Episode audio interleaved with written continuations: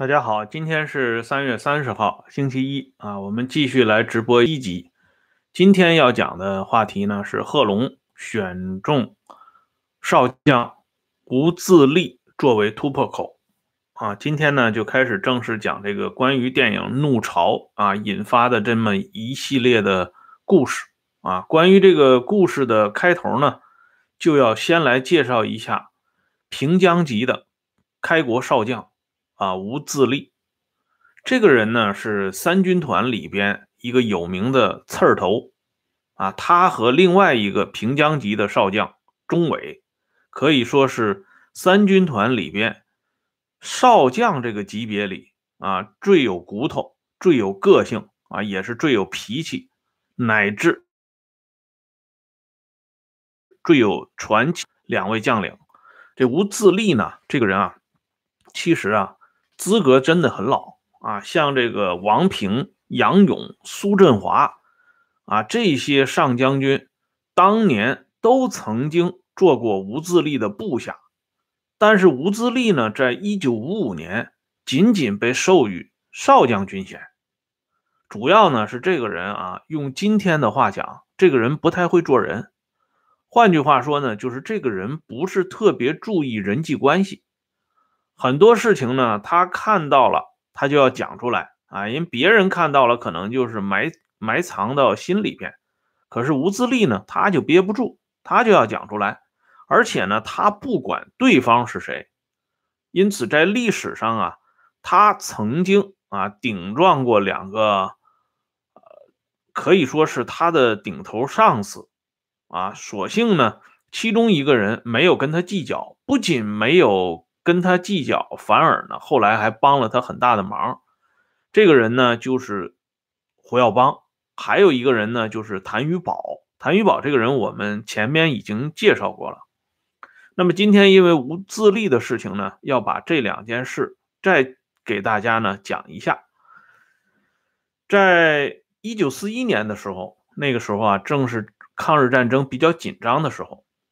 啊，中央考虑呢对。原来的土地革命时期参加红军的这些老同志、老干部，做一个系统性的表彰啊，就发这么一个纪念章。但是呢，呃，我们都知道啊，这种啊，一旦评功摆好或者是论功行赏的时候，这种标准就特别不好掌握啊。由于要照顾方方面面。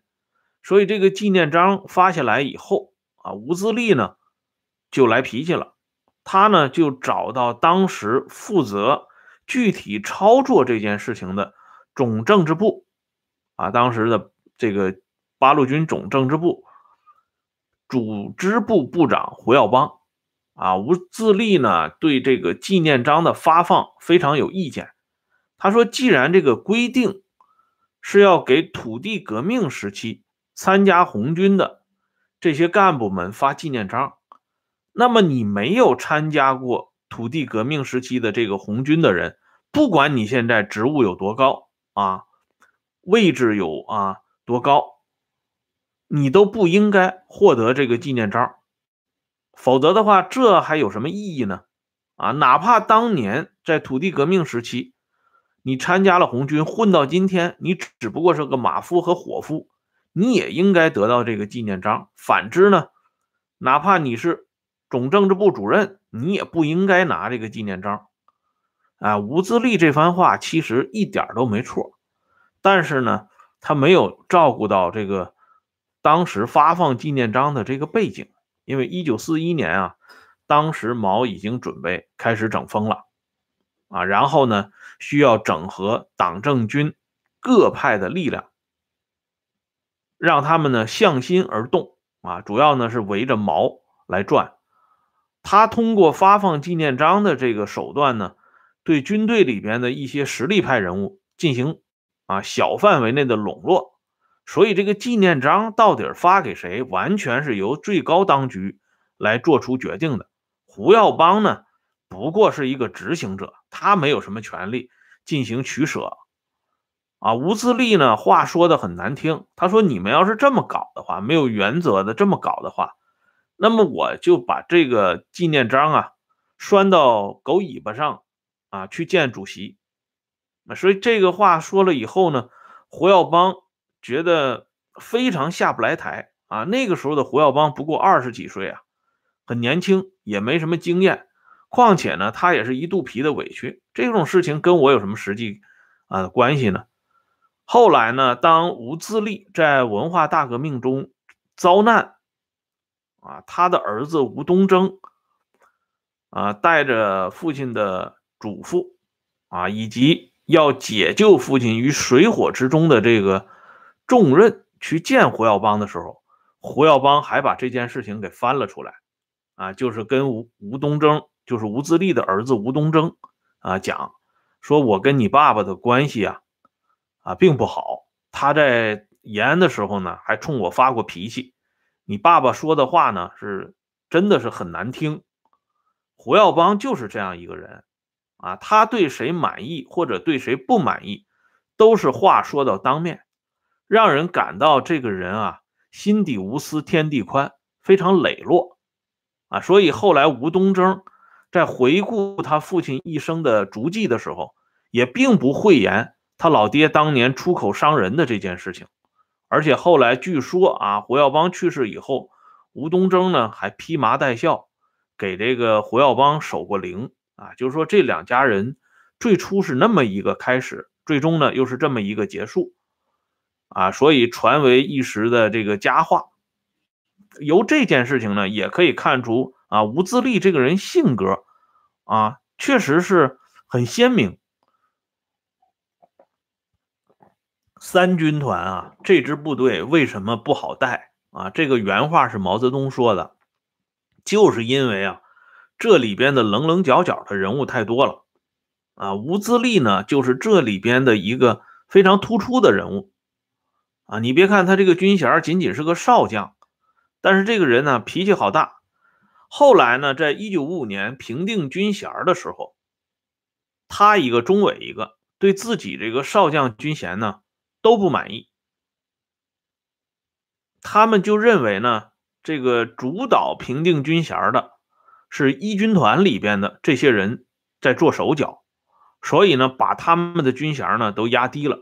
其实啊，这件事情啊，一方面是毛泽东为首的这一军团这啊，包括林彪在内啊，这些人故意在这里呢啊做手脚，这是肯定的。比如说一军团出身的。王宗怀，啊，这个人没有什么正经的军功，可是，一九五五年呢，一下子被授予中将军衔啊，他的那些履历，大家不妨看一下啊。解放军出版社出过一本王宗怀的回忆录，大家看一看，这个人在红军时期就是做青年工作的，啊，没有任何能够拿得出手的这个战功和军功。搞政治工作也都是政治工作中的后台工作，可是呢，人家轻轻松松就拿到一个中将军衔，跻身到高级将领的行列啊。那个少将啊，在当时不算高级将领，哎，所以这吴自立呢，认为自己出生入死几十年，最后呢，搞这么一个少将军衔啊，因此后来呢，就有人啊，就是编了一些段子。就说这吴自立啊，对自己的这个军衔有多么的不满意啊，等等等等。但是呢，事实上这个事情确实是真事儿啊，在这个中共党史人物传谭余宝的传记里边就介绍过这么一个故事。其实呢，这个传记里边没有点名，但说的就是吴自立啊。吴自立呢，因为对自己的这个少将军衔不满意，所以吴自立呢在背后就说了一些怪话，发了一些牢骚啊，这都是情有可原的。这个时候呢，谭玉宝知道这个情况了，所以谭玉宝呢就跟吴自立啊这么打招呼，他说：“你看，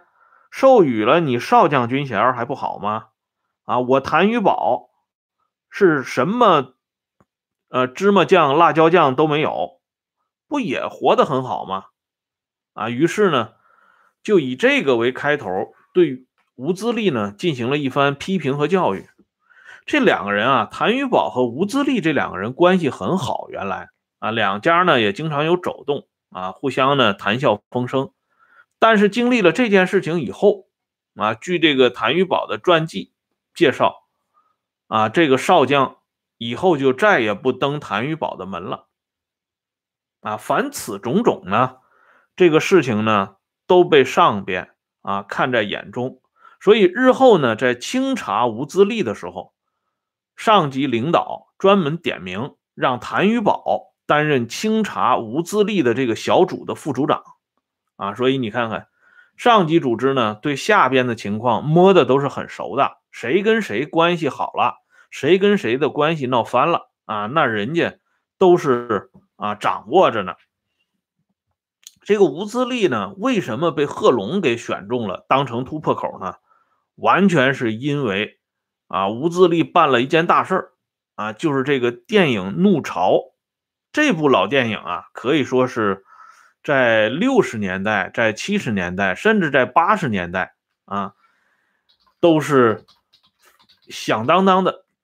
一部电影。因为这部电影呢，拍摄于一九六三年啊，这部电影里边呢有一个主题曲啊，这个主题曲很有名啊，叫《送别》。这首呃歌呢啊，曾经啊传唱多时，嗯，这个就是我父母他们这一代啊，就是他们很多人都会哼唱。啊，更主要的是这首啊歌词呢，它这个这首歌的歌词里边有一段话啊，送君送到大路旁啊，这个君的恩情啊永难忘等等啊，就是类似于这这种啊，还有呢就是啊最后那段啊，送君送到江水边啊，知心的话儿说不完。风里浪里你行船，我持梭镖望君还。啊，特别是这段话，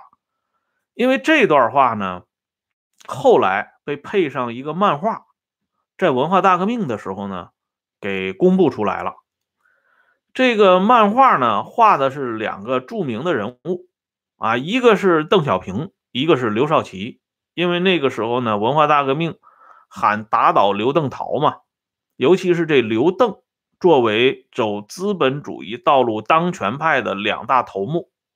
所以这个漫画呢，呃，就有一个呃情况啊，很有意思，就是邓小平呢，啊，手里拿着梭镖站在岸上，啊，向这个站在船上的刘少奇呢招手致意，旁边配的就是刚才我给大家读的这个电影《怒潮》最后一段啊，这个送别这个。歌曲最后的这一段歌词啊，我持梭镖望君还，啊，就是极尽讽刺啊之能事。所以这个电影《怒潮》啊，可以说给在那个时候生活的那两代人呢，是留下了不可磨灭的印象。而这件事情呢，首功就是吴自立。吴自立搞这个东西呢，其实他一开始啊，没有任何呃。这个杂念，他完全是想纪念一下平江暴动啊，其实跟这个平江起义呢，啊没有太直接的关系。他首先是想介绍一下平江的这个整个的这个革命根据地的从发起发展到最后啊蓬勃的建立起来，他是想追忆这个革命的过程。想追忆一下那些已经战死或者失踪的战友们，啊，他的目的很纯粹，而且最初呢，在一九五八年的时候，啊，当时平江县是为了响应湖南省文化当局的要求，收集革命斗争史资料，啊，放这个文艺卫星，向国庆十周年献礼，所以呢，在一九五八年十一月。湖南省师范学院历史系到平江收集资料。那个时候，我们知道，一九五八年十一月的时候，彭德怀还在台上，所以收集的这个平江革命资料呢，自然也包括平江起义这部分。在一九五九年二月份，写成了《平江革命斗争史》全书呢，一共是八万五千字。不过呢，只有第四章是反映彭德怀呃领导平江起义的史记，只有一万字。这里边呢，我就要顺便提一下，因为刚才提到吴自立的这个少将军衔的这个问题，一方面呢是一军团的这些人在做手脚，再一个呢就是彭德怀他本人为了谦虚谨慎，啊，为了不让人家误会这位主持中央军委日常工作的老总啊提携自己的私人啊力量，所以呢他刻意的把三军团的这批将领的军衔呢往下压。这吴自立、钟伟他们之所以啊仅仅获得少将军衔，而不是中将军衔啊，这里边呢就跟彭德怀有直接的关系啊。彭德怀就认为不能说我这三军团的人马啊就搞这种鸡犬升天的事情。同样呢，这彭德怀的这种做法呢，也反映到这个平江革命斗争史的这个小册子里边。彭德怀虽然自己呢啊很。爱惜羽毛，对这个平江起义呢，他有他自己的客观的看法。可是呢，具体拿出来以后呢，彭德怀不愿意啊，有那么一些东西给自己歌功颂德。因此，这个平江起义的篇幅呢，都是被一再的压缩。可是，即便是这样，这个小册子出来以后呢，也受到了当时一些人的非常的关注。这里的“非常”两个字呢是要打引号的，比如说后来担任中共湖南省委第一书记的张平化，张平化呢在华国锋时代担任过主管宣传口的啊领导，这个人是比较左的。更主要的是，这个人啊，他和贺龙的关系很好啊，他和王震的关系也很好，所以呢就可以看出来这个人到底是属于哪一路的人。这张平化呢，一直对这个平江革命斗争史这件事情耿耿于怀。可是呢，那个时候因为彭德怀还在上边，所以他也不好发作。等到彭德怀下台，就是庐山会议之后，啊，张平化呢就开始啊挖掘和收集整理这方面的黑材料，呃，等待呢有的放矢。果然呢，这个到了一九六一年九月份的时候。当时担任湖南省军区副司令员的吴自立少将呢，自己就撞上门来了。他呢，同这个八一电影制片厂就到平江拍摄这个电影《怒潮》，同当时的平江县委书记张宁祥商定，在修订平江革命斗争史的基础上，拍两部电影，来反映当时啊，就是当年的平江铺城。我们知道，一九二八年农历二月，发生了一个二十多万人啊攻打平江县城的啊故事，这是历史上非常有名的平江二月铺城啊。这个整个的过程呢，是由一个叫罗纳川的，当时担任平江县委书记的罗纳川领导的啊。这罗纳川是什么人？我在前边啊，就是彭德怀。和井冈山革命根据地的那一节节目里边做过介绍，他是于奔民亲手啊介绍入党的，这是平江老革命里边的翘楚。这罗大川呢，在电影《怒潮》里边呢，化名叫罗大成，啊，这个也是有所反应。到了一九六一年十一月呢，在吴思立的倡导下，平江籍的。原中央监察委员会副书记、最高检的党组书记李六如啊，这个老同志呢就现身了。他接受了平江县委的邀请，担任了修订平江革命斗争史的编委会的主任委员。最后呢，大家啊共同搞出了一个二十七人的编委会的名单。而且呢，还一度把这个编委会扩大到七十五人，啊，这个规模非常大，几乎呢是囊括了全国党政军平江级的老干部，绝大部分呢是军队少将以上和地方厅局级以上干部。其中呢，编委会的副主任委员有十一个人，啊，我给大家念一下：吴盖之，啊，吴盖之是什么人呢？很多人不知道这个人，但是说一下吴盖之的老伴儿呢，啊，他的老婆恐怕很多朋友应该清楚，他的老婆叫聂元子，啊，是文化大革命当中一个非常有名的啊女将。吴盖之呢，和罗瑞卿、杨其清他们一样，都是老一军团里边肃反的名将，啊，这吴盖之，还有钟其光。军科院的副政委钟其光上将呢，他本身呢就是平江起义的老底子，而且他本人呢，啊，在三军团里边的地位呢也很高，啊，说钟其光呢，这个研究新四军的朋友们或许知道，但是如果经常看电影啊，经常看电视，了解娱乐圈的朋友呢，应该也知道钟其光这个人，因为钟其光上将呢有一个孙女。啊，他的名字呢叫柯蓝，啊，咱们最早知道，像我最早知道柯蓝呢，就是在九四年，当时香港还叫卫视中文台，而不是叫今天的凤凰中文凤凰卫视的时候，柯蓝那个时候呢，啊，跟吴大维就一起主持的那个音乐电视节目，啊，那个时候柯蓝很年轻，二十多岁，啊，现在呢还继续活跃在这个舞台上，这是钟其光。还有苏振华，这就不用介绍了。海军的头头姜卫清，江苏省委第一书记；杨奇清，公安部的副部长；傅秋涛、刘志坚、朝英，啊等等。这七十五名编委当中呢，实际上主持啊这一工作的呢，主要是吴自立。而且这七十多名编委当中，很多人呢，他们是被动的。啊，就成为这个编委会的成员了。他们本人有很多人，他们其实是不知情的。比如说苏振华，他根本不知道自己已经受邀成为这个编委会的副主任委员了。啊，苏振华后来是在批判彭德怀里边三军团表现啊最差的一个，啊，直接就是倒戈了啊，所以他不可能去参加这个这这种呃组织。